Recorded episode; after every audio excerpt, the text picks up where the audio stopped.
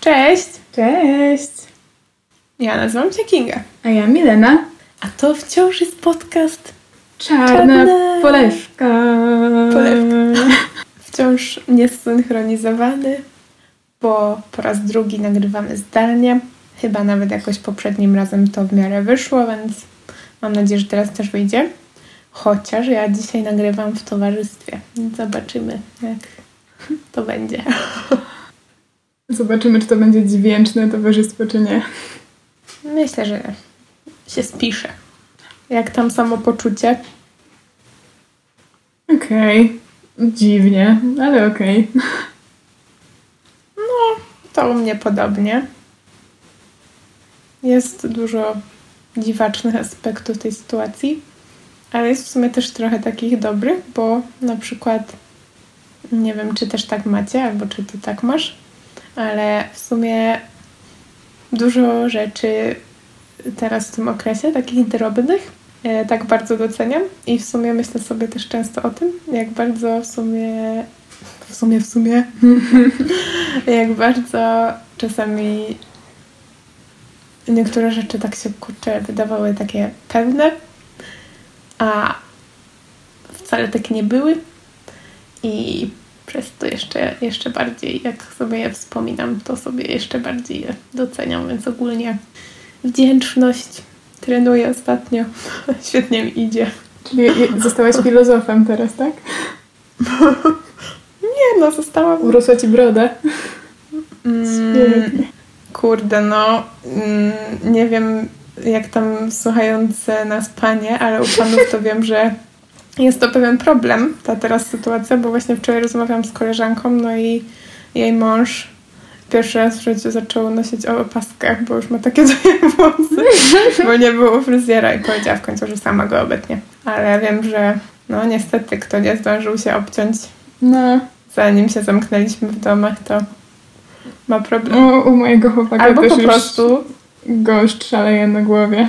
mm, albo po prostu niektórzy odkryją właśnie nową stylówkę, że świetnie im w dłuższych włosach, no i i później jak wszyscy wyjdziemy, to po prostu nikt nikogo nie pozna.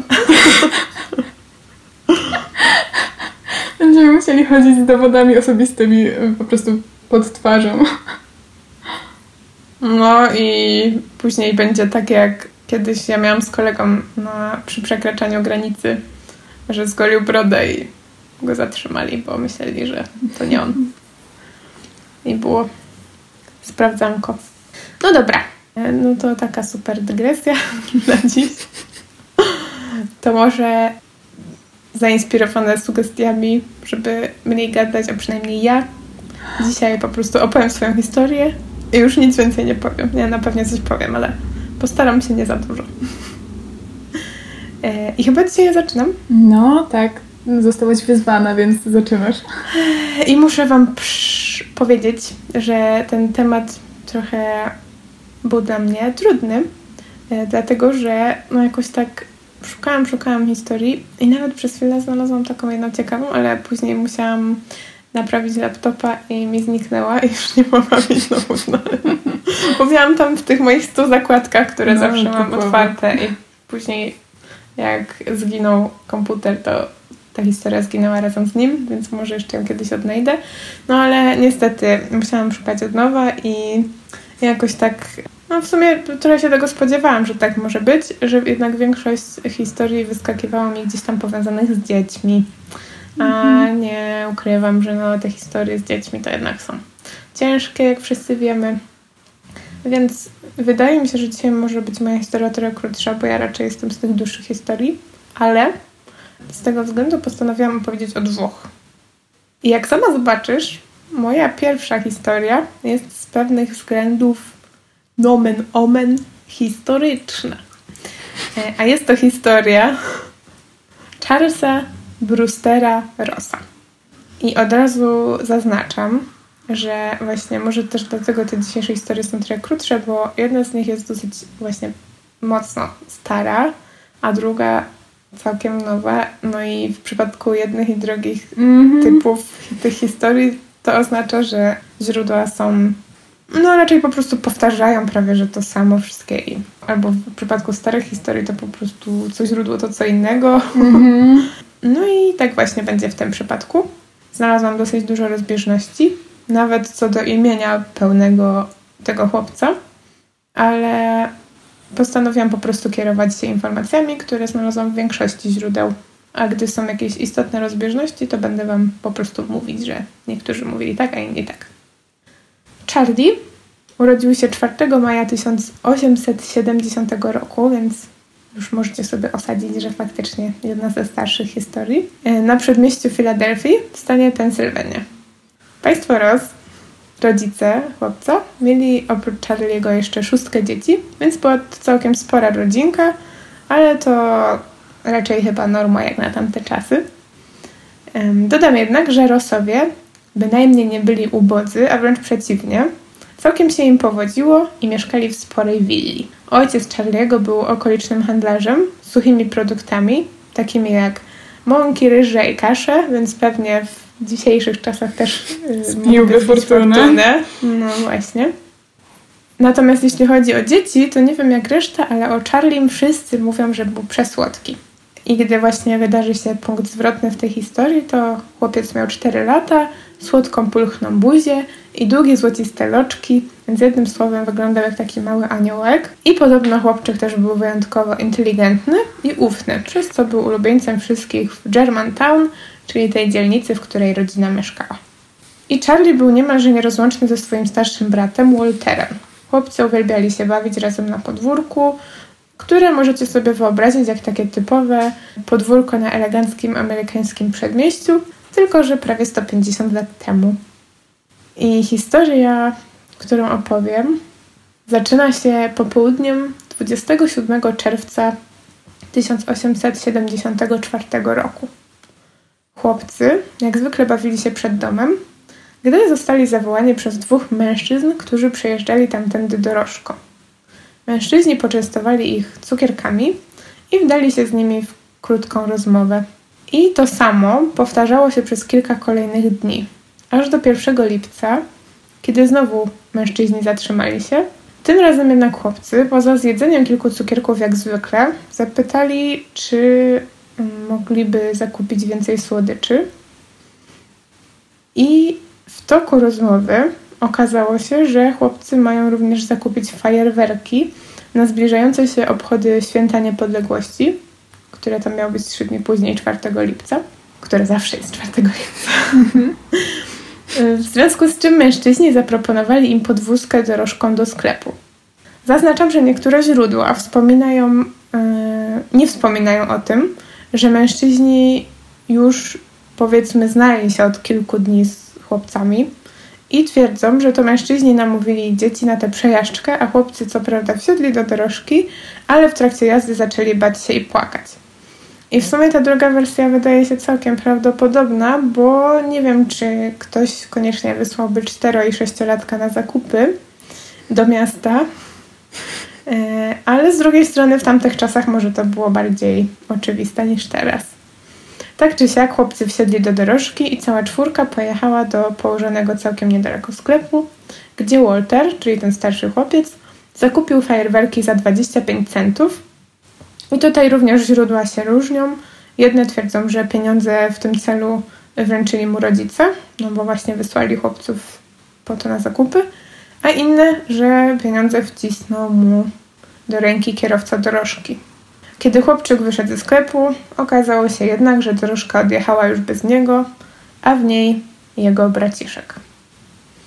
I tak rozpoczęła się tragedia rodziny Ross. Christian, ojciec chłopców, dowiedział się o porwaniu już chwilę później, ponieważ zaczął wołać synów, a następnie szukać ich po sąsiadach i wtedy jeden z nich powiedział, że widział właśnie Waltera i Charlie'ego chwilę wcześniej, jak wsiadali do jakiejś dorożki i odjechali w stronę miasta. Wtedy Christian przypomniał sobie, że kilka dni wcześniej Walter wszedł do domu z cukierkiem w buzi i ojciec wtedy zapytał chłopca, skąd ma tego cukierka, na co ten odpowiedział mu, że od pana w dorożce. I mężczyznę wówczas to nie zaniepokoiło i nawet pomyślał sobie, że to musi być miły człowiek, skoro tak lubi dzieci. No ale oczywiście później to z pozoru miłe zachowanie nabrało niestety nieco innego znaczenia. Matka chłopców przebywała w tym czasie w Atlantic City i Christian Ross był pewien, że uda mu się odnaleźć synków przed jej powrotem. Jednak mijały kolejne dni, a chłopcy nadal nie wracali do domu, ani poszukiwania nie przynosiły żadnych efektów. Ojciec chłopców zdecydował w końcu, że potrzebne są kroki na szerszą skalę i zamieścił ogłoszenie w lokalnej prasie, prosząc o pomoc w poszukiwaniach oraz nawołując porywaczy do oddania chłopców. Niestety, właśnie w ten sposób podobno pani Ross dowiedziała się o tym, że jej dwóch synków zaginęło, czytając o tym w gazecie. I jakiś mężczyzna w Filadelfii odnalazł wreszcie Waltera błąkającego się po ulicy, odwiózł go do domu. Tam przerażony chłopczyk opowiedział o wszystkim, co się wydarzyło. Mniej więcej w tym samym czasie Christian Ross otrzymał wiadomość, która oprócz błędów językowych i dziwacznych zwrotów zawierała mniej więcej następującą informację. Jeśli ważne ci jego życie, nikomu nie daj go szukać, twoje pieniądze mogą uratować go żywego, a nie żadna inna istniejąca siła. Nie oszukuj się i myśl, że policja może brać go od nas, bo to jest na pewno niemożliwością. I żeby jakby pokazać, jak mniej więcej był napisany ten list, to tylko mam jedno słówko do przykładu, że właśnie to, że niemożliwe, zostało napisane impossible. Więc bardzo groźnie brzmiał ten list, musicie przyznać. No ale niestety, poza tym jak brzmiał, no to, to faktycznie był groźny. Mm, I kilka dni później Rosowie otrzymali kolejną wiadomość o podobnie dziwacznej treści, z której wynikało, że porywacze żądają okupu w wysokości 20 tysięcy dolarów, która to kwota była wówczas no, zawrotną, odpowiadającą zapewne paru dobrym setkom tysięcy, jeśli nie milionom złotych, złotych dolarów na dzisiejsze pieniądze.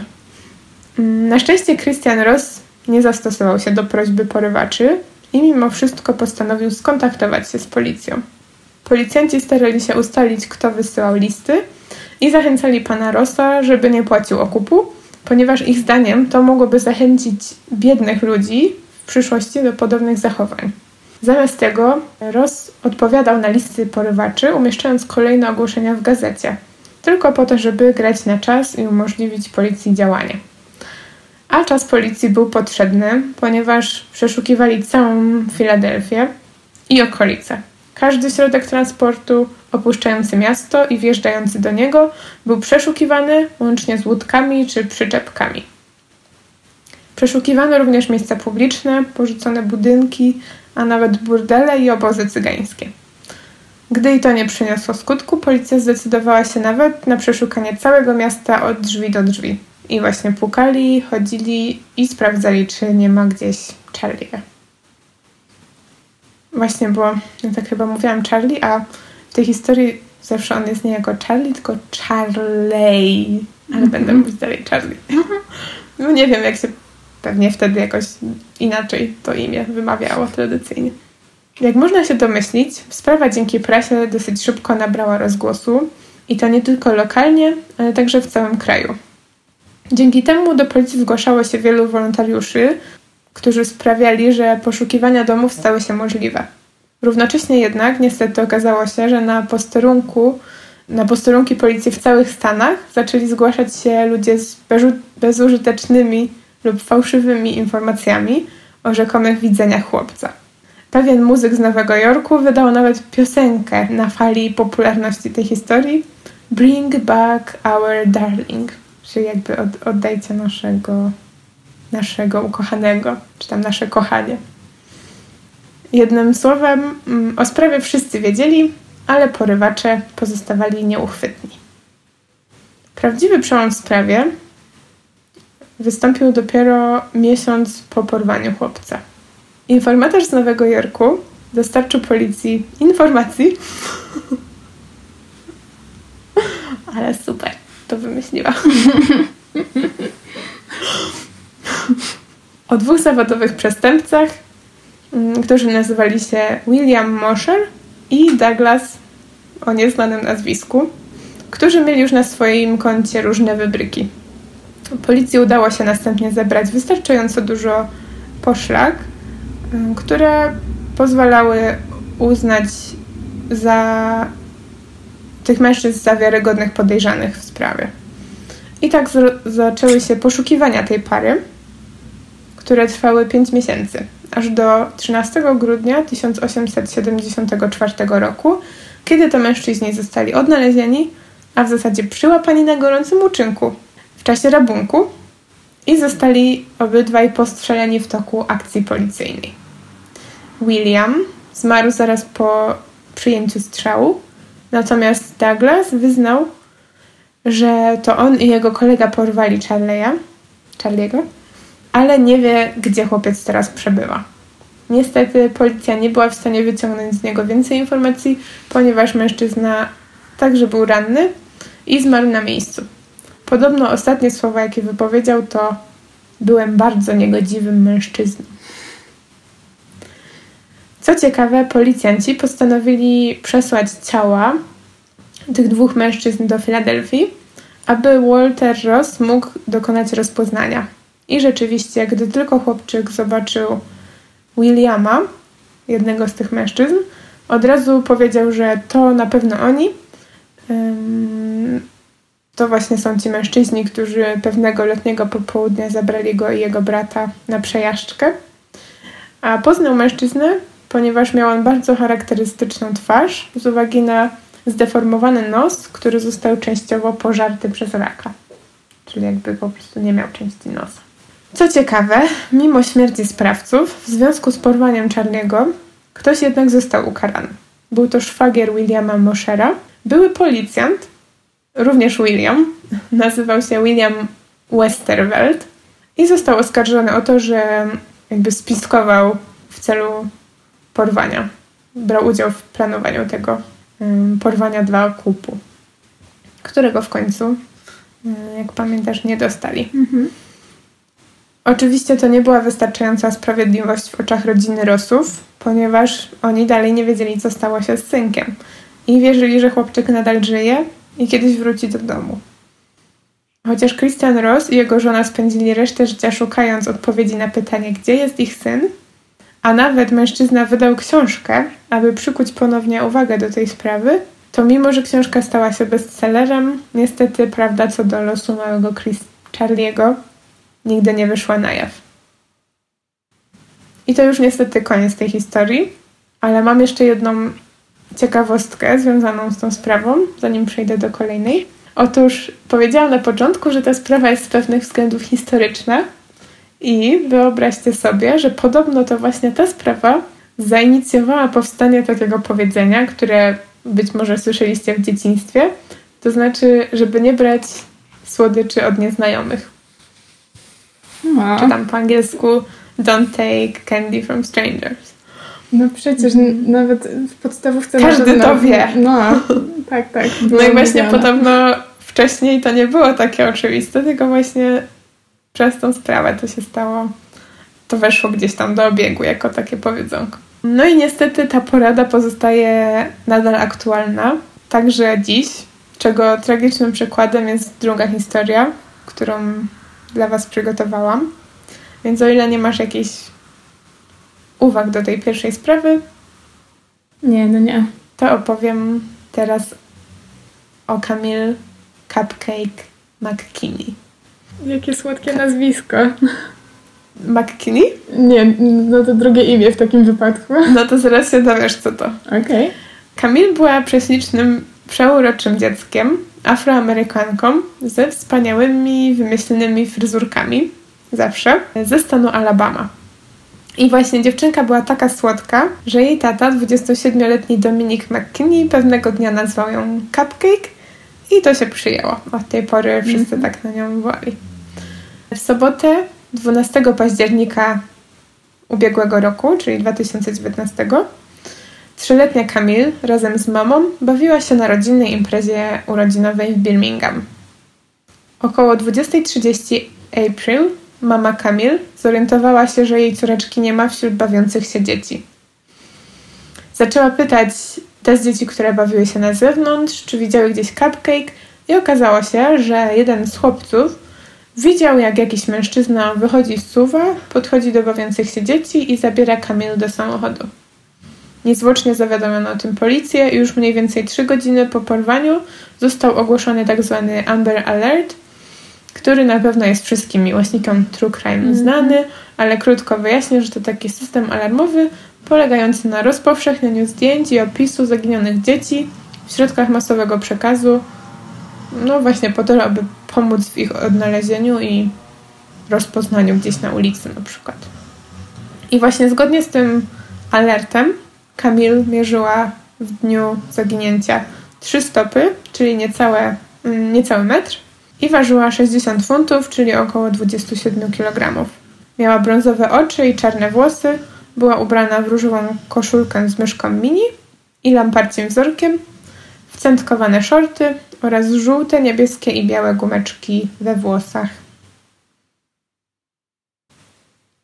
Niestety nocne poszukiwania i ogłoszenia nie dały żadnych efektów, więc w niedzielę rano policja rozpoczęła poszukiwania Kamil od pukania od drzwi do drzwi i rozpytywania domowników oraz wręczania ulotek z wizerunkiem dziewczynki. Udało się im także zabezpieczyć nagrania z monitoringu z pobliskich sklepów i stacji Shell. Na jednym z nagrań widać, jak Kamil i druga dziewczynka bawią się i zbierają coś z ziemi. Później okazuje się, że to były rozsypane na chodniku słodycze. Następnie do dziewczynek podchodzi mężczyzna, na chwilę się zatrzymuje, a później widać, że gdzieś odchodzi, a dziewczynki idą za nim. Niestety poza kadr, więc nie wiadomo, co dokładnie się dzieje dalej. Nagrania ze stacji pozwoliły uznać, że sprawca najprawdopodobniej był kierowcą granatowego pojazdu marki Toyota Sequoia. I oczywiście od razu policja zaczęła sprawdzenie takich pojazdów w całej okolicy. W tym samym czasie rodzice Kamil, każdy z osobna, ponieważ z tego co rozumiem nie byli już wtedy razem, e, zaczęli rozmawiać z mediami i udzielać wywiadów, w których błagali porywacza Cupcake o to, by zwrócił im córeczkę. O 8 wieczorem tego samego dnia, czyli blisko 20, 24 godziny po zaginięciu Kamil, do policji zgłosili się mieszkańcy jednego z osiedli, takich, można nie osiedli, co takich kompleksów mieszkalnych w Atlancie, informując, że na zewnątrz tego kompleksu stoi zaparkowana granatowa Toyota Sequoia. Na miejscu pojawiła się policja i udało się ustalić, że pojazd należy do afroamerykańskiej pary mieszkającej na tym osiedlu.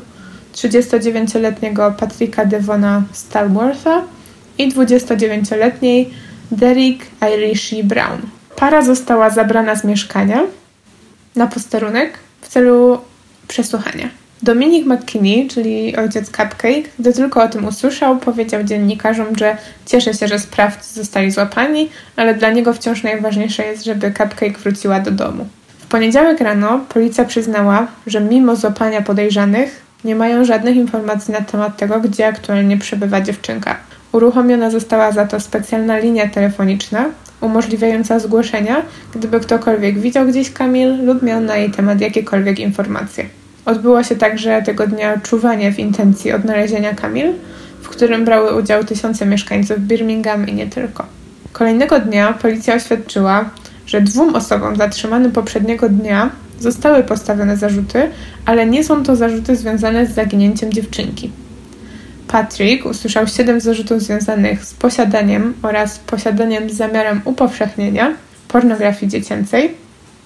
Obrazki i filmiki znaleziono w czasie przeszukania jego telefonu. Z kolei Derek pozostawała w areszcie, ponieważ policja złożyła wniosek o uchylenie jej warunkowego zwolnienia za sprawę z 2018 roku, kiedy to kobieta została oskarżona o porwanie trójki swoich dzieci z domu dziecka. Równocześnie policja wyznaczyła nagrodę w wysokości 5000 dolarów dla każdego, kto przyczyni się do skazania osób odpowiedzialnych za zniknięcie Kamil. Anonimowy obywatel dodał od siebie kolejny 1000 dolarów na tę nagrodę. W ciągu następnych dni poszukiwania trwały nadal, w mediach pojawiły się e, momentami niestety nieprawdziwe informacje o tym, że dziewczynka została odnaleziona. Natomiast nie pojawiały się żadne poszlaki, które po pozwoliłyby ją odnaleźć. Wszystkie potencjalne tropy prowadziły donikąd. W tym czasie Patrick Starworth wyszedł z więzienia po wypłaceniu 500 tysięcy dolarów kaucji. Mężczyzna i jego prawnicy zaprzeczyli, aby on lub jego dziewczyna mieli jakikolwiek związek z porwaniem Kamil. Para nie znała dziewczynki ani nikogo z jej rodziny i utrzymywała, że ma alibi na czas, w którym doszło do porwania. Równocześnie wyrażali przerażenie tym, że mogło stać się coś tak strasznego i współczucie dla rodziny dziewczynki. We wtorek 22 października mijał dziesiąty dzień od zaginięcia Kamil. Rodzina oczywiście nie traciła nadziei, ale zaczynała się niecierpliwić, ponieważ mimo setek informacji napływających na policję, ich córeczka wciąż pozostawała zaginiona. Około siódmej wieczorem tego dnia rodzina została wezwana na posterunek policji.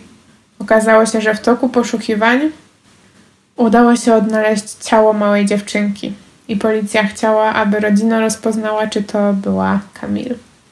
No i niestety okazało się, że tak właśnie było. Ciało znaleziono w takim kontenerze na śmieci, położonym niedaleko tego właśnie osiedla apartamentowców, w którym mieszkali Salworth i Brown. Patrick jeszcze tego samego dnia został ponownie aresztowany. Przeprowadzono, y, przeprowadzona kolejnego dnia sekcja zwłok wykazała w krwi Kamil obecność amfetaminy, a także mocnego środka na bezsenność. Przyczyną śmierci dziewczynki było uduszenie. Niestety poziom rozkładu ciała nie pozwalał na dokładne ustalenie, czy dziewczynka była także ofiarą napaści seksualnej. Pod paznokciami Kamil znaleziono jedynie martw... Y, znaleziono jednak martwy naskórek. Pozwoliło to ustalić, że ta mała dzielna dziewczynka próbowała bronić się przed oprawcami, a także policji pozwoliło potwierdzić DNA właśnie sprawców. I rzeczywiście okazało się, że słusznie od samego początku policja podejrzewała Derek i Patryka.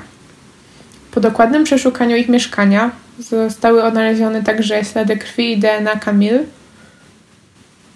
oraz Derek i Patryka na materacu. Na policję zgłosiło się także kilka osób z uzupełniającymi zeznaniami, które obciążały parę. Między innymi nastolatka, która wracała kilka godzin przed porwaniem Kamil z treningu cheerleaderek, która zeznała, że para zatrzymała się przejeżdżając przy niej tym właśnie samochodem i proponowała jej słodycze. Policji udało się zabezpieczyć także nagrania z innych stacji benzynowych, na których tego dnia stawał SUV Patryka i okazało się, że na jednej z nich mężczyzna kupił słodycze za blisko 20 dolarów, a na innej energetyki i Viagrę.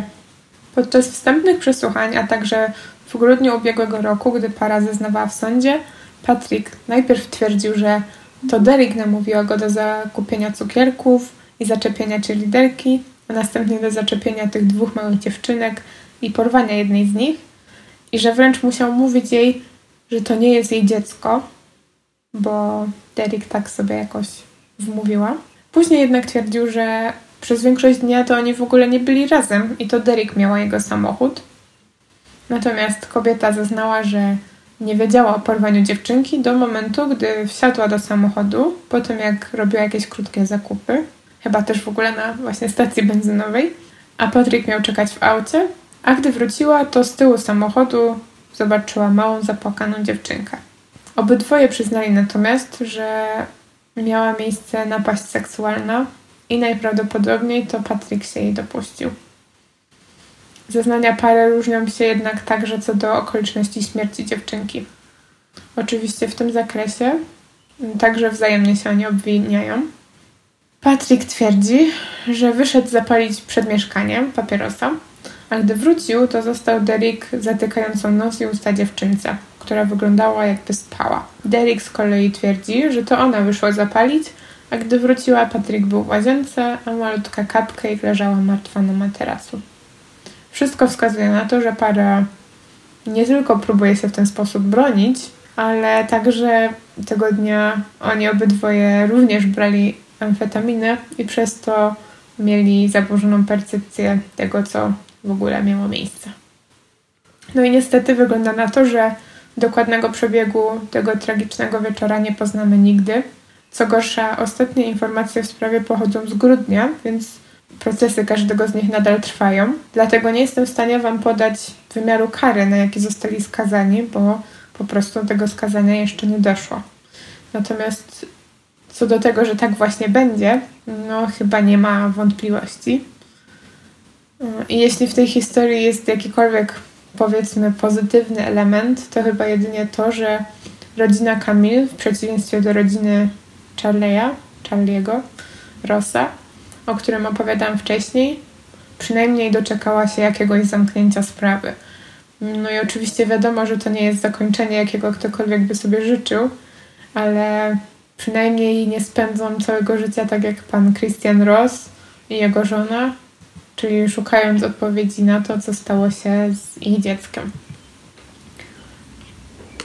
No i niestety ten milenowy temat słodyczy właśnie do takich dwóch historii mnie zaprowadził, więc mam nadzieję, że chociaż ty masz trochę coś, no nie wiem, mniej strasznego i trudnego do opowiedzenia. Nie chcesz mnie rozczarować, no. ale... E, ale przynajmniej słodycze będą tutaj w znacznie weselszym kontekście niż w twojej historii. Ale to muszę poczekać. Trochę się naczekasz na te słodycze. To co, zaczynamy? Zaczynamy. E, a w zasadzie ty zaczynasz. Mm, no tak, ja A ja w ogóle zamieniam się w słuch i już nic nie mówię, e, poza podaniem tematu na następny odcinek. Jeju, spokojnie. Ej, w ogóle miałam cię wyśmiać, jak zaczęłaś y, opowiadać, że twoja historia pierwsza jest stara, bo y, liczyłam na to, że cię tutaj przebije, ale okazało się, że rzeczywiście to, Damn, to było potężnie. To szkoda, że nie zaczęłaś, bo bym triumfowała. No. Jeszcze mogę się nie przyznawać. No to pokaż, pokaż jaką masz starą historię. No właśnie, moja niestety... Yy, dobra, na początku będziemy w roku 1936, ale jest też taki fragment mojej historii, który dzieje się w 1915, więc bardzo się starałam. Bardzo się starałam też doszukać czegoś na temat, czegoś więcej na temat ofiar, ale niestety niewiele mi się udało tutaj znaleźć, jeśli chodzi o ich życie, więc po prostu zaczniemy niestety od samego zdarzenia. No i przenosimy się do 2 sierpnia 1936 roku do około godziny drugiej w nocy. Wtedy 72-letnia Sally Crampley i jej 74-letnia siostrzenica Lily McMarty oraz 4-letni wnuk Lily śpią w jednym łóżku w domu rodzinnym McMartych. Starsza kobieta zostaje bardzo dotkliwie pobita przy użyciu jakiegoś tępego narzędzia w głowę i po całym ciele. Młodsza także doznaje licznych obrażeń.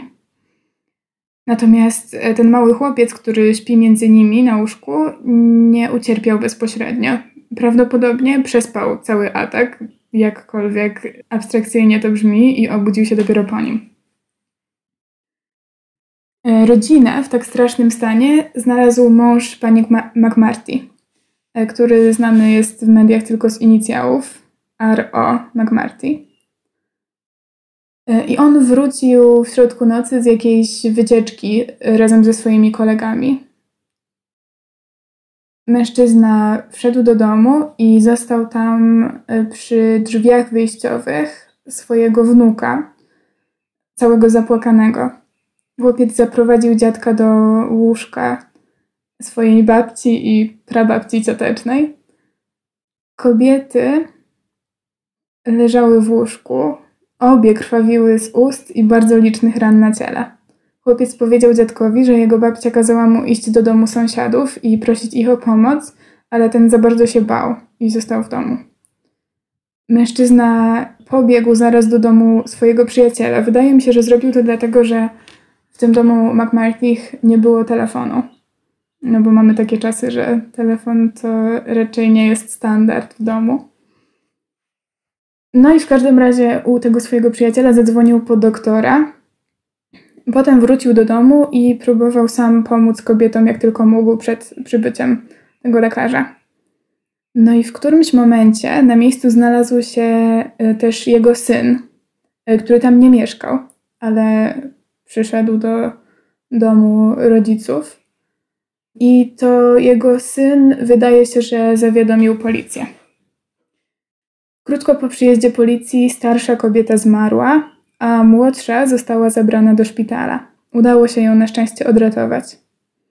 Na miejscu zbrodni nie znaleziono w zasadzie żadnych wskazówek, które pomogłyby zidentyfikować sprawcę.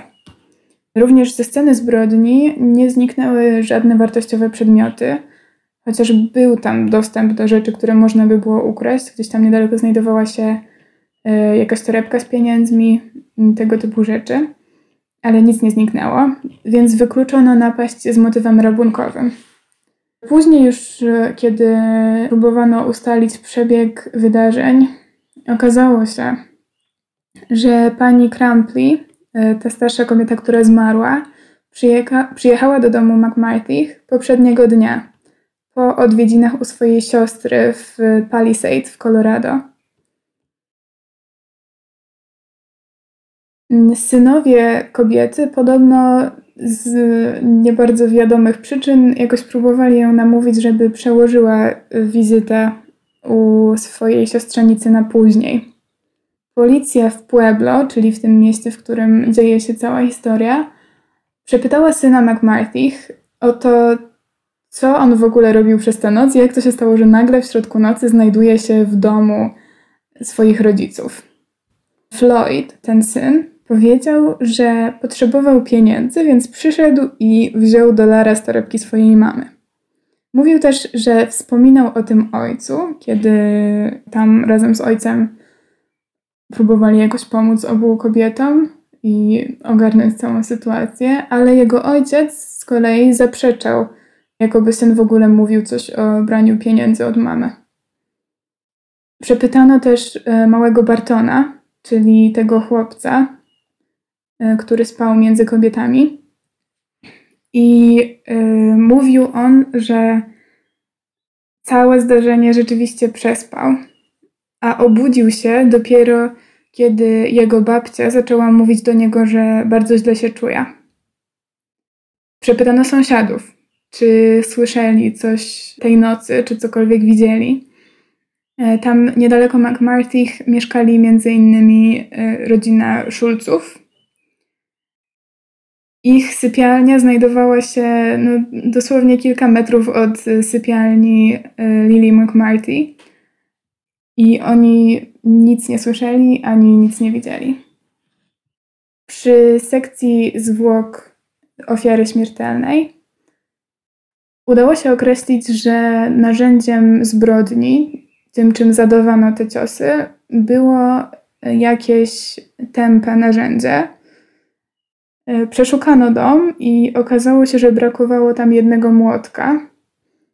Ale z drugiej strony dowiedziano się też, że był to młotek, którym mały Barton bardzo lubił się bawić. I mogło tak być, że chłopiec po prostu zabrał go gdzieś i zgubił. E, Floyd tymczasem, ten syn McMarthy, przebywał w areszcie, chociaż w zasadzie nie było wtedy jakichś solidnych dowodów świadczących o jego udziale w sprawie, tylko fakt, że jego bycie na miejscu było dosyć szemrane. Jednak to jest w zasadzie dopiero początek tej historii, bo dwa tygodnie później e, przenosimy się dosłownie kilka czy też kilkanaście mm, domów dalej do domu państwa Drain. E, jest 16 sierpnia, noc. 15-letnia Dorothy i 12-letnia Barbara Drain śpią we wspólnym łóżku. Dziewczynki zostały zupełnie same w domu na noc. Ich rodzice, Riley i Peggy Drain, poszli wieczorem na potańcówkę i mieli wrócić jakoś w nocy. W domu nie było też młodszego brata dziewczyn, który nocował u swojego kolegi też gdzieś tam w sąsiedztwie. Bo generalnie Pueblo to było w tych czasach takie małe miasteczko i jeszcze te okolice, w których dzieje się akcja, mm, to były takie przecznice, gdzie wszyscy sąsiedzi się znali, tam rano witali się, machając sobie z balkonów, dzieci bawiły się razem na ulicy. No i pewnie między innymi dlatego e, państwo Drain zupełnie nie bali się zostawić swoich córek na północy samych domu. Zresztą nie były to też takie bardzo małe dzieci, bo jedna z dziewczyn miała 15, druga 12 lat. E, ale oprócz tego, że zostawili je same, to jeszcze nie zamknęli domu drzwi na klucz. No i może to trochę dziwić, skoro jakieś dwa tygodnie temu kawałek od ich domu miała miejsce taka straszna zbrodnia. Ale wiadomo było, że w areszcie przebywa Floyd McMarty i w zasadzie to wszyscy sąsiedzi myśleli, że jest on sprawcą zbrodni. No więc nie ma się czego obawiać. Było niebezpieczeństwo w okolicy, ale zostało zażegnane. A więc państwo Drain, nie spodziewając się niczego złego, poszli na potańcówkę, a potem poszli razem ze znajomymi coś zjeść i wrócili do domu w środku nocy. Już w drzwiach Riley czuł, że coś jest nie tak. I nie czuł tego swoim trzecim okiem, tylko zauważył, że dom jest zupełnie ciemny i cichy. No i oczywiście spodziewał się, że dziewczynki już śpią.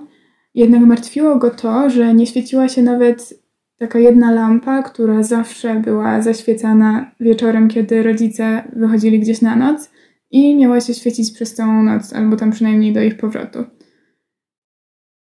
Po wejściu do domu para usłyszała jęki dobiegające z pokoju córek. Barbara leżała na zakrwawionej pościeli i wydawała z siebie przytłumione jęki. Dorothy leżała cicho i bez ruchu, twarzą w dół po drugiej stronie łóżka. Państwo Jane też nie mieli własnego telefonu. Peggy pobiegła do domu dziadka dziewczyn, który mieszkał zaraz obok i zadzwoniła na policję. Policjanci przyjechali na miejsce, zawieźli Barbara do szpitala. Zaraz po policji na miejsce przybył lekarz, który stwierdził zgon Dorothy. Przeprowadzono oczywiście również sekcję zwłok dziewczyny. Koroner stwierdził, że zadano jej bardzo wiele ran, ale najdotkliwszą było głębokie pchnięcie jakimś ostrym narzędziem w głowę ofiary, zadane z taką siłą, że rozbiło jej czaszkę.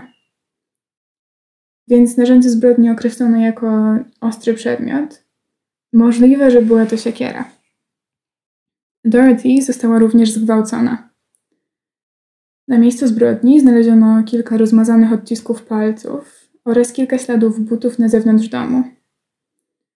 Na miejsce dostarczono także psy tropiące, które przez kilka godzin pracowały wokół domu, ale nie udało im się podjąć tropu, który zaprowadziłby dokądkolwiek. Wieść o tym, że kolejna rodzina padła ofiarą nieznanego sprawcy grasującego w Pueblo, rozeszła się po miasteczku. Nie było co prawda pewności, że sprawy są powiązane, ale póki wina Floyda nie została udowodniona na 100%, panowało takie podejrzenia wśród mieszkańców. Wokół domu Drainów gromadziły się tłumy ciekawskich. Policja musiała ingerować i ich przepędzać. Ta sprawa w zasadzie odbiła się dużo bardziej na mm, tym, co działo się w mieście. Chyba głównie dlatego, że w przypadku E, sprawy w domu McMarthy'ch, podejrzanego zatrzymano praktycznie natychmiast. A tutaj w zasadzie nie było żadnego pomysłu, kto mógłby być sprawcą. Już następnego dnia władze miasta wyznaczyły nagrodę w wysokości 1000 dolarów za wszelkie informacje prowadzące do identyfikacji sprawcy lub sprawców. No i chyba nie muszę Wam już przypominać, że Tysiąc dolarów wtedy to było więcej niż tysiąc dolarów teraz. Tutaj również sąsiedzi nic specjalnego nie słyszeli. Aresztowano i przesłuchiwano sześciu mężczyzn, ale wszyscy mieli solidne alibi i wkrótce zostali wypuszczeni. Jakoś niedługo po tym zdarzeniu dwie kobiety zgłosiły, że zostały napadnięte na tle seksualnym przez yy, mężczyznę. Obu paniom udało się uciec oprawcy. ale wymagało to od nich krzyku i walki. Kobiety dostarczyły policji pokrywające się opisy sprawców, jednak no, wciąż nie było wiadomo, czy te sprawy są powiązane z napadem na siostry Drain. E, I chyba bardziej tutaj łączono sprawę z domu Drain z, ze sprawą z domu McMarthy. Sprawdzano też dokładnie środowisko pracy pana Draina. Mężczyzna był na dosyć wysokiej pozycji w swojej pracy i rozważano mm, motywy związane z zazdrością albo zemstą. W ten sposób natrafiono na Franka Aguilara. Aguilar został zwolniony z y, pracy niedługo przed napaścią na siostry Jane. A oprócz tego, trzy dni po zdarzeniu miał miejsce bardzo dziwny incydent z nim w roli głównej, który tata dziewczyn opisał policji. E, otóż Frank podszedł do niego i dał mu pięć pięciocentowych monet. Powiedział, że są od jego mamy i stwierdził, że mogą się przydać e, rodzinie Drain. Policja przepytała Aguilara, i, ale wypierał się jakich, jakiegokolwiek związku ze sprawą. Mężczyzna pojawił się też na pogrze pogrzebie Dorothy, e, jednak był ubrany zupełnie inaczej niż reszta żałobników po prostu rzucał się w oczy w tłumie, ponieważ o ile wszyscy pozostali mieli na sobie eleganckie czarne stroje, to on był ubrany w robotniczy kombinezon i ogólnie wyglądał dosyć niechlujnie. W czasie uroczystości podszedł do dwóch policjantów i powiedział, że chce porozmawiać z panem Drainem i podawał się przy tym za przyjaciela rodziny. Opowiadał też coś o tym, że zna dziewczynki po imieniu. Policjanci stwierdzili, że no trochę za dużo tych podejrzanych rzeczy z tym Frankiem się tutaj dzieje i aresztowali go. E, podczas przeszukania domu mężczyzny znaleziono siekierę. I nie była ona co prawda pokryta krwią, ale na ostrzu były dziwne ślady. Okazało się, że te ślady, jakieś zarysowania, pasują idealnie do śladu tego najgłębszego ciosu, który rozbił czaszkę Dorothy. No więc mamy już w zasadzie bardzo mocnego podejrzanego w tej sprawie. E, I w sprawie McMarthy też w sumie mamy mm, konkretne podejrzenie. No i wtedy, wtedy ma miejsce ten jeden telefon, który przywraca do góry nogami koncept tej sprawy, jak już się formuje y, tam u szeryfa Pueblo. A czy to też będzie tak, że postanowią go zignorować, bo już wszystko się zgadzało? Nie, wręcz przeciwnie. To dobrze. No, to dobrze. Słuchajcie. Ja... O ile to nie był jakiś y, pranksterski telefon. O nie, nie, nie, nie. Szeryf Szeryf George Carroll z Chien w stanie Wyoming nie robi żadnych pranksterskich telefonów. To jest porządny człowiek. Słuchajcie, to może brzmieć jakby ta historia już się kończyła, ale o nie, nic z tych rzeczy. 26 sierpnia szeryf Grandi, czyli tam szeryf w Pueblo, odbiera telefon od swojego dawnego przyjaciela, szeryfa George'a Carola z Chien w stanie Wyoming. Szeryf Chien Opowiedział, że mają u siebie mężczyznę, który mówi, że zabił małą Drain. E, powiedział też, że ten człowiek jest zupełnie szalony. Nie potrafi nawet czytać ani pisać, a pytany o to, jak dokonał tego przestępstwa, opowiada za każdym razem inną historię. Ale wydaje się, że wie wszystko o sprawie sióstr e, Drain. Mówi, że wie, w jakich były pozycjach, kiedy je znaleziono, wie, jak wyglądały ich koszule nocne, generalnie wygląda na to, że to on jest tym poszukiwanym w Pueblo mężczyzną. E, opowiadał też, że po napaści poszedł do własnego domu rodzinnego w Pueblo, gdzie jego matka i siostra pobiły go i zamknęły w jednym z pokojów na drugim piętrze na 8 dni.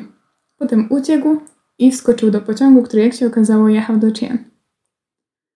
Ten mężczyzna nazywał się Joe Aridi. Policja znalazła dom Aridiego i okazało się, że nie ma tam drugiego piętra. A cała rodzina Joe powiedziała, że mężczyzny nie było w domu od bardzo, bardzo dawna. I teraz cofamy się do tego zapowiadanego przeze mnie wcześniej, 1915 roku, a dokładnie 15 kwietnia. Wtedy to w Pueblo, w stanie Colorado, urodził się Joe Aridi. Jego rodzice Henry i Mary Aridi niewiele przed narodzinami chłopca przenieśli się tam z Syrii. W momencie przeprowadzki nie znali angielskiego, ale Henry'emu udało się znaleźć pracę w jakiejś pobliskiej hucie stali. Jeszcze kiedy Joe był małym chłopcem, para wiedziała, że ich syn jest inny niż reszta dzieci. Bardzo późno nauczył się mówić, a kiedy już mówił, były to bardzo krótkie i proste zdania. Joe miał problemy w szkole. Nauka nawet najprostszych rzeczy przychodziła mu z ogromną trudnością. W roku uczęszczania do szkoły podstawowej dyrektor pr placówki powiedział rodzicom chłopca, że ten nie nadaje się do nauki i powinien po prostu zostać w domu. Powinien przestać chodzić do szkoły. No i tak też było przez kilka lat. Potem, jako nastolatek, chłopak został przyjęty do Colorado State Home for Mental Defectives w mieście Grand Junction. I była to placówka, która z założenia miała pomagać osobom opóźnionym w rozwoju albo niepełnosprawnym. Jednak okazało się trochę, że w pierwszych dekadach XX wieku wiele rodzin dochodziło do wniosku, że z ich dziećmi jest coś nie tak, a przy tym nie za bardzo wiedzieli, co mogą z tym zrobić. Niektórzy rodzice starali się znaleźć pomoc dla swoich dzieci, sami nie rozumiejąc, co się z nimi dzieje, a inni niestety chcieli raczej pozbyć się niewygodnych członków swojej rodziny. I nie tak oczywiście wyglądała sytuacja w przypadku rodziców Joe, jednak niestety tak wyglądała sytuacja w przypadku wielu innych y, chłopców, którzy trafili do tego ośrodka. A przy tym metody pomocy takim dzieciom w tamtych czasach y, nie były jeszcze szczególnie rozwinięte. Zatem dla Joe wcale nie było to wybawienie od trudów szkoły, w której czuł się inny i odrzucony przez resztę dzieciaków. Jego IQ, jak się okazało, wynosiło tylko 46. Y, chociaż wszyscy mieli problemy podobne do jego, to jednak często były one mniej posunięte i tak lubili go wykorzystywać, znęcali się nad nim, a nawet bili. Joe jednak starał się spędzać czas z innymi, znaleźć sobie przyjaciół. I być może to ta chęć przynależenia kierowała nim, kiedy zdecydował się razem z grupą chłopaków ze środka wskoczyć na pociąg jadący w stronę Puebla. To po prostu był taki wypad bez zgody kogokolwiek do rodzinnego miasta chłopaków. No i tak właśnie 9 sierpnia 1936 roku Joe znalazł, znalazł się znów po latach w pobliżu swojego miasta rodzinnego. Czwórka chłopaków wyskoczyła z pociągu w Pueblo i przez jeden dzień przechadzali się po mieście, a potem wrócili do Grand Junction. Wszyscy oprócz Joe. Nie wiadomo, co chłopak robił przez kolejne dni, ale 20 sierpnia znalazł się na pewno na stacji kolejowej w Chien w stanie Wyoming, około 350 km od Pueblo. Tam Podszedł do znajdującego się przy stacji food trucka prowadzonego przez państwo Gibson i zapytał właścicieli food trucka, czy mógłby u nich pracować. Dostał pracę na zmywaku i przez kolejne 6 dni jeździł sobie z Gibsonami ich food truckiem aż 26, kiedy wóz miał jechać dalej na wschód, Gibsonowie chyba stwierdzili, że nie wezmą Joe ze sobą nie wiem do końca z jakiego powodu. Coś tam w źródłach było o tym, że on był jakimś niezarejestrowanym pracownikiem i bali się jakichś konsekwencji czy coś. W każdym razie odwieźli go z powrotem na stację kolejową w Chien, tam gdzie się do nich przypałętał. Tam młody mężczyzna kręcił się przez chwilę, aż został aresztowany i zaprowadzony do szeryfa George'a Carola. I to dlaczego on został tam aresztowany, też nie jest dla mnie do końca jasne, ale chyba historia wyglądała tak, że on miał na sobie koszulę w kolorze kaki, a w tych okolicach w tym samym czasie byli poszukiwani jacyś zbiegli żołnierze. I podejrzewano przez jakiś czas, że on jest jednym z nich, dlatego go aresztowano. Więc w zasadzie zbiór przypadków doprowadził go do biura szeryfa George'a Carola. No i szeryf na początku dostał przed sobą takiego młodego mężczyznę, który nie wiadomo skąd i nie wiadomo dlaczego znalazł się na stacji kolejowej w Chien. Ale szeryf Karol oprócz tego wiedział z, z prasy, z mediów, że bardzo niedawno w Pueblo miał miejsce brutalny atak na dwie dziewczynki, którego jedna z nich nie przeżyła.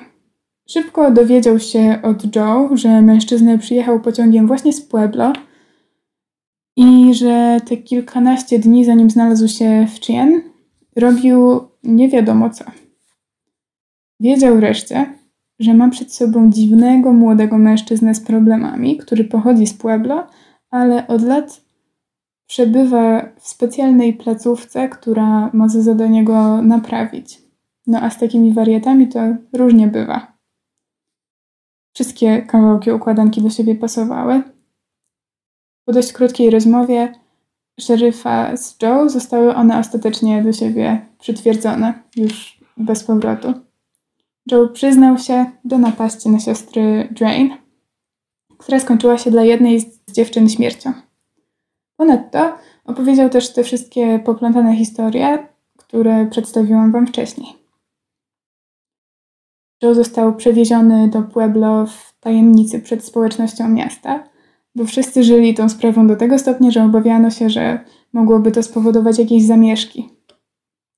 Zebrano go pokryja mu na miejsce zbrodni i poproszono o odtworzenie przebiegu zdarzeń.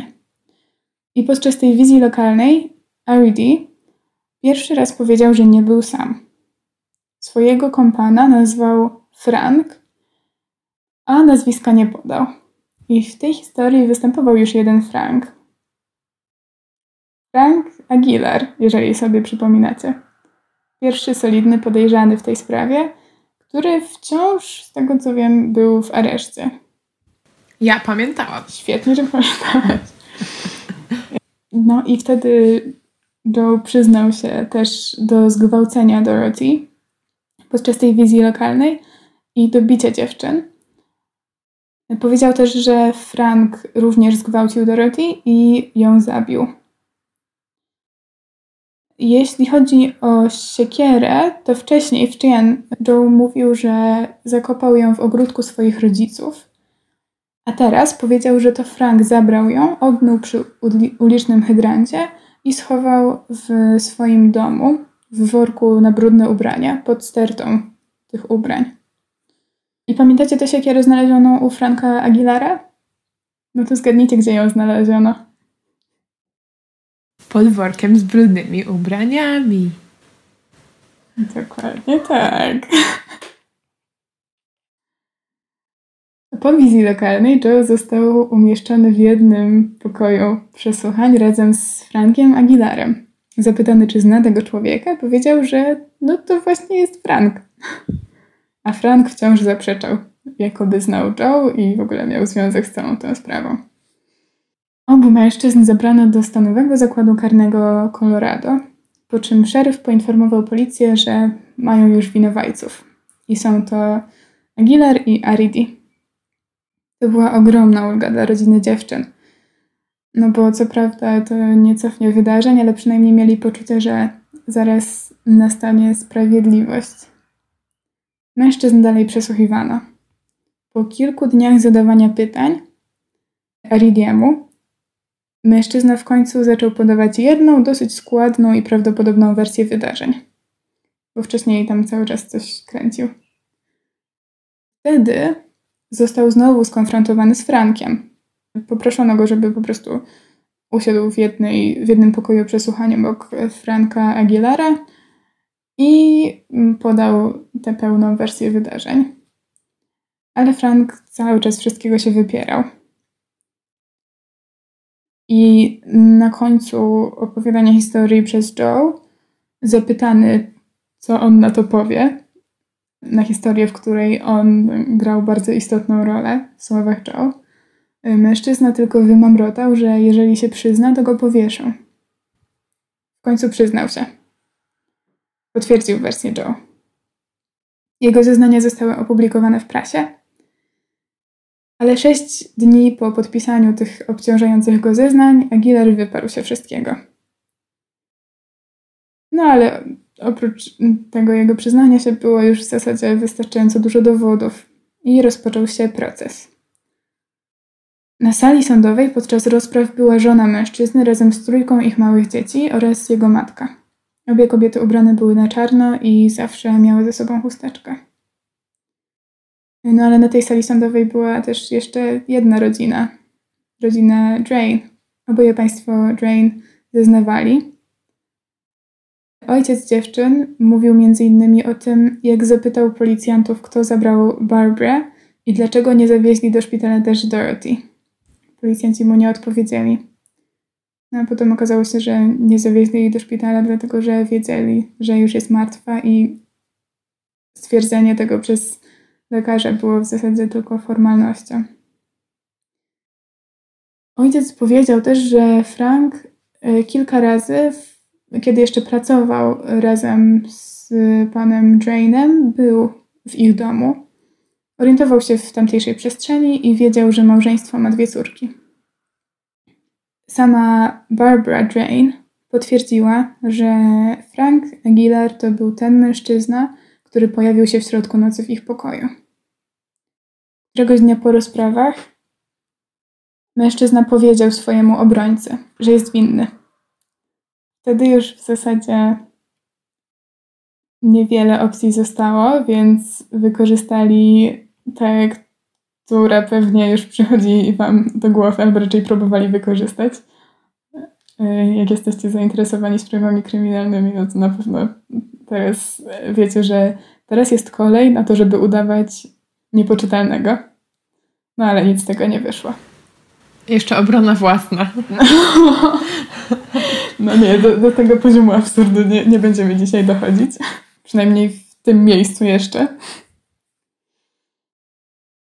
No więc mężczyzna został uznany za winnego gwałtu i zabójstwa Dorothy Drain i skazany na śmierć w komorze gazowej.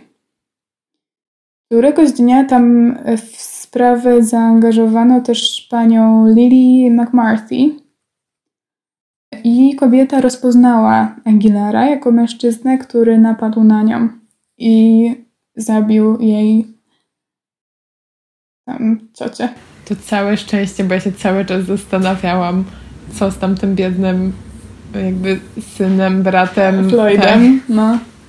No, tym gościem, co tego chciał dolara wziąć tak. z torebki. No, już go wypuścili w tym miejscu. E, no i w sumie to nie wiem, czy było tutaj jakieś postępowanie sądowe. Możliwe, że było za mało dowodów czy coś w tej sprawie Franka Aguilara ale wydaje się, że generalnie tę pierwszą sprawę w tym miejscu już uznajemy za zakończoną, to Frank tam e, dokonał tej napaści. Jakoś tam kilka dni przed wykonaniem jego wyroku śmierci powiedział tam komuś tam, że no to on był tam u, u też. No, ale skoro już się skończył proces e, Franka, to rozpoczęto postępowanie sądowe względem Joe Aridiego. Adwokat Aridiego chciał tutaj z zupełnie uzasadnionych przyczyn, żeby Joe został uznany za niewinnego z powodu niepoczytalności. Aridi spędził miesiąc pod obserwacją i trzech lekarzy orzekło zgodnie, że oskarżony ma mentalność dziecka około 4 czy 6 lat i nie potrafi odróżnić dobra od zła. Stwierdzili też, że ten mężczyzna, jeżeli chce kogoś zadowolić albo spełnić jego oczekiwania, ma tendencję do mówienia tak z uśmiechem na każde pytanie.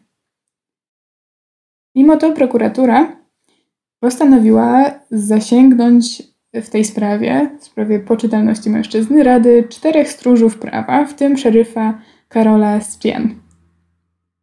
E, no bo przecież szeryf, policjant i dwóch detektywów znają się na zdrowiu psychicznym i stopniu rozwoju mm, emocjonalnego znacznie lepiej niż lekarze. No i tam cała sprawa dowodzenia, czy mężczyzna był poczytalny, czy też nie był poczytalny, była bardzo zagmatwana. Ale ostatecznie sąd wydał wyrok. Winny morderstwa pierwszego stopnia, a karą miała być śmierć. Wydawało się przy tym, że Joe R.E.D. nie zrozumiał werdyktu, kiedy go usłyszał. Bo podczas gdy Frank Aguilar tam na sali sądowej, kiedy usłyszał, że zostaje skazany na śmierć, widać było po jego twarzy podobno, że próbuje zgrywać takiego nieporuszonego i tylko zaczął trochę wolniej rzuć gumę. To Joe R.E.D. w zasadzie jakby zupełnie nie słyszał tych słów, nie rozumiał, co się dzieje. No i tymczasem Frank Aguilar został stracony 13 sierpnia 1937 roku i to miałoby miejsce wcześniej, gdyby nie to, że jego obrona dosyć rozpaczliwie próbowała wnosić kolejne apelacje. Ostatnim posiłkiem mężczyzny była zupa pomidorowa, smażone jajka, tost, frytki, kawa i donaty. Tuż przed śmiercią na jego twarzy pojawiły się łzy, ale powiedział, że nie płacze za siebie, tylko za swoją mamę, żonę i dzieci. A tymczasem Joe R.E.D., mężczyzna, przez którego w zasadzie w ogóle toczyło się wokół nich postępowanie, a przynajmniej to za jego sprawą wydarzyło się to tak szybko. No bo Frank pewnie wpadłby prędzej czy później, już był aresztowany, kiedy pojawił się Joe. Jednak ciężko było znaleźć jakieś dowody. No więc R.E.D. czekał na swoją egzekucję, nie do końca świadom tego, co ma się wydarzyć. Kiedy przebywał w więzieniu, wydaje się, że był bardzo lubiany przez zarówno współwięźniów, a to wyglądało tak, że wtedy osadzeni, mm, którzy mieli być ukarani śmiercią, przebywali też z innymi więźniami, mm, którzy czekali na śmierć. E, więc były to osoby, które dopuściły się bardzo ciężkich przestępstw. Ale mimo to okazuje się, że dobrze się ze sobą dogadywali, Joe i oni, e, ale też bardzo lubili go strażnicy więzienni. E, podobno nawet niektórzy strażnicy próbowali się jakoś za nim stawić jeszcze gdzieś w sądzie czy coś, ale no niewiele tacy strażnicy więzienni mogli zrobić. E, podobno czasem zdarzało mu się brać swój metalowy talerz na posiłki, bardzo dokładnie go polerować, a potem robić do niego różne dziwne miny, tak używając go jako lustra i śmiać się, tak z siebie. Kiedy jeden ze strażników więziennych to zauważył, stwierdził, że no, ten mężczyzna potrzebuje jakiegoś zajęcia, więc dostarczył mu do celi kilka książek dla dzieci z obrazkami i Joe bardzo się z tego ucieszył. E, a gdy już zorientowano się, że on w zasadzie nie stanowi absolutnie żadnego zagrożenia i nie sprawia żadnych problemów, dali mu też tam stróże więzienni nożyczki, żeby mógł wycinać różne rzeczy w tych swoich książkach i czerwony samochodzik. I z tych wszystkich rzeczy czerwony samochodzik podobał mu się najbardziej. E, co stróże więzienni, szczególnie taki jeden mężczyzna, który bardzo się zaprzyjaźnił z Joe, e, zauważył. I czas mijał, kolejne apelacje były wnoszone i wciąż tak samo odrzucane. Joe czekał w swojej celi więziennej, no i w końcu przyszedł czas na jego urodziny. Dostał wtedy śliczny, zabawkowy pociąg od jednego z więziennych stróżów. Najpierwsze co zrobił, to wziął ten pociąg, przełożył go przez y, kraty swojej celi i puścił wzdłuż korytarza, krzycząc przy tym złap go, złap go do y, więźnia, który był osadzony w celi na samym końcu tego korytarza. No i więź, więzień posłuchał. Y, złapał pociąg i puścił go z powrotem do Aridiego i podobno w taką zabawę y, zaangażowało się jeszcze kilku innych skazanych, no i tak sobie jeździli tym pociągiem po korytarzu. W dniu swojej egzekucji, 6 stycznia 1939 roku, Joe mógł pierwszy raz oddalnie spotkać się ze swoją rodziną. Udzielił także wywiadu, bo do jakiejś gazety, i przez cały dzień wolno mu było jeść lody, z czego mężczyzna był bardzo zadowolony. Końcu przyszedł po niego strażnik więzienny.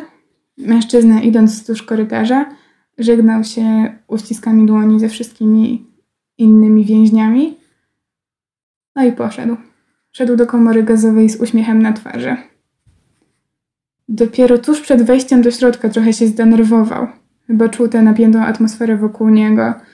Czuł, że coś jest nie tak y, w twarzy strażnika więziennego, który go prowadził. Ale wtedy mężczyzna złapał go za rękę i uspokoił. No i tak kończą się losy Joe Aridiego, który został potem okrzyknięty najszczęśliwszym więźniem w celi śmierci. E, nazywali go tak strażnicy, widząc jak beztrosko się bawi tymi dostarczanymi mu zabawkami i jak ogromną przyjemność sprawia mu to jedzenie lodów. E, no ale pamięć po nim nie przepadła. Trwała aż do e, tego obecnego XXI wieku. I na początku tego wieku jakaś grupka osób utworzyła organizację non-profit Friends of Joe Arity. Zajęli się oni ponownym prześledzeniem sprawy Joe i próbami pośmiertnego oczyszczenia go z zarzutów, właśnie ze względu na tę niepoczytalność mężczyzny. E, wydaje się, że w trakcie przebiegu tej, tej sprawy e, nie próbowano nigdy udowodnić, że Joe nie było na miejscu zdarzenia i że nie uczestniczył on w tych wydarzeniach, tylko że po prostu cokolwiek się działo, on, on zupełnie nie zdawał sobie sprawy z tego, co robi i jakie to ma znaczenie. E, no i ci ludzie tworzący grupę Friends of Joe Aridy zaczęli publikować różne materiały związane z tą sprawą, tym chronologiczny przebieg wypadków. I w końcu udało im się osiągnąć swój cel, bo w 2011 roku gubernator Bill Reiter w pełni i bezwarunkowo cofnął wyrok Joe Aridiego. Oczyścił go ze wszelkich zarzutów. Dziś nazwisko Aridi figuruje na wielu listach osób niesłusznie skazanych na śmierć. Jest swego rodzaju symbolem tragicznych w skutkach niedokładności w działaniu wymiaru sprawiedliwości. No a przede wszystkim Joe jest wciąż znany jako najszczęśliwszy więzień z celi śmierci.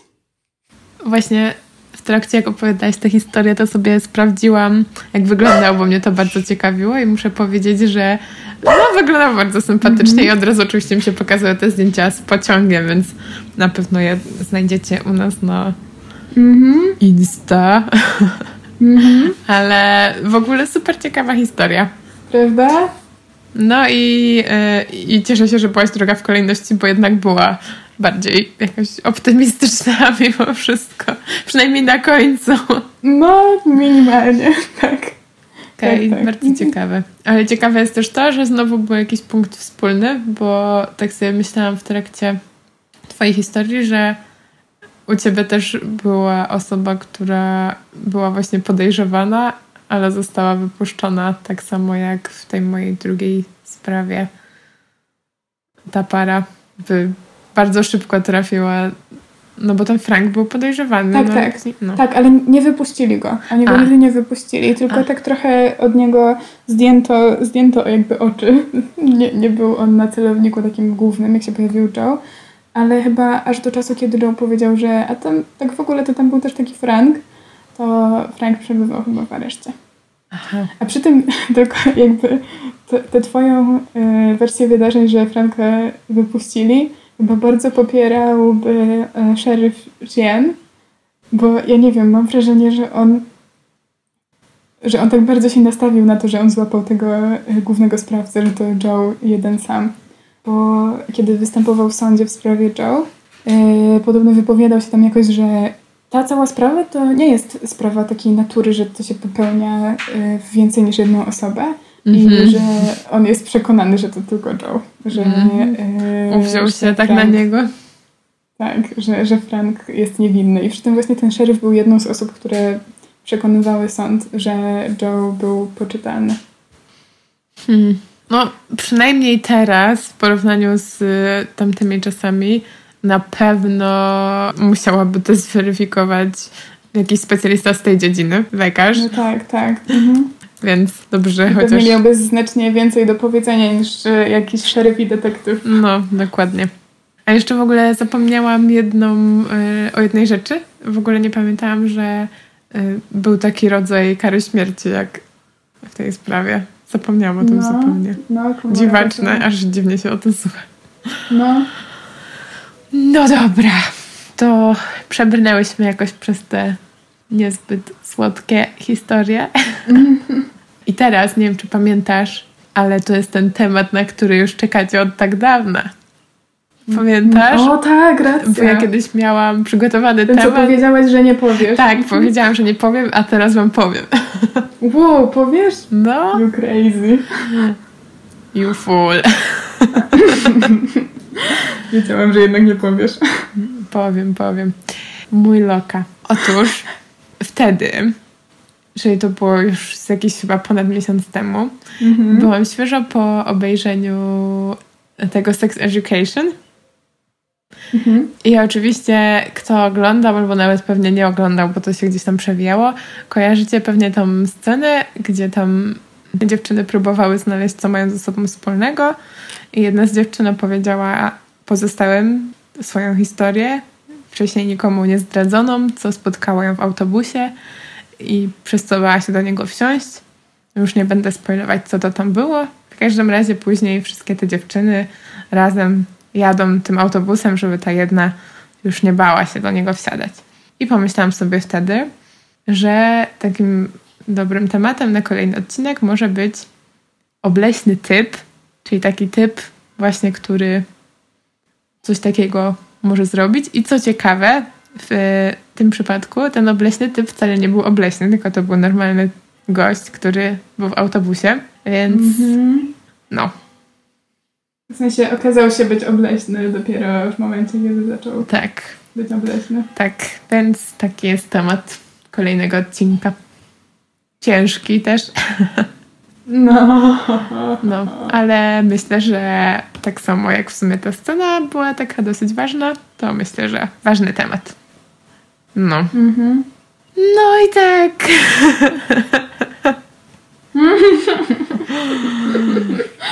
Za, y, przyszedł czas chyba zakończyć te telekonferencje. Ostatnio wszyscy po prostu y, tylko właśnie ze sobą telekonferują, No. więc życzymy Wam udanych telefonów. Zadzwońcie do znajomych, mam nadzieję, że to robicie. Pogadajcie sobie z nimi, zadzwońcie do babci. Idźcie sobie zjeść coś słodkiego. O, tak. O, a ja właśnie idę zjeść kolację. To smacznego. Mhm. Smacznego. Dzięki, hej. Pa.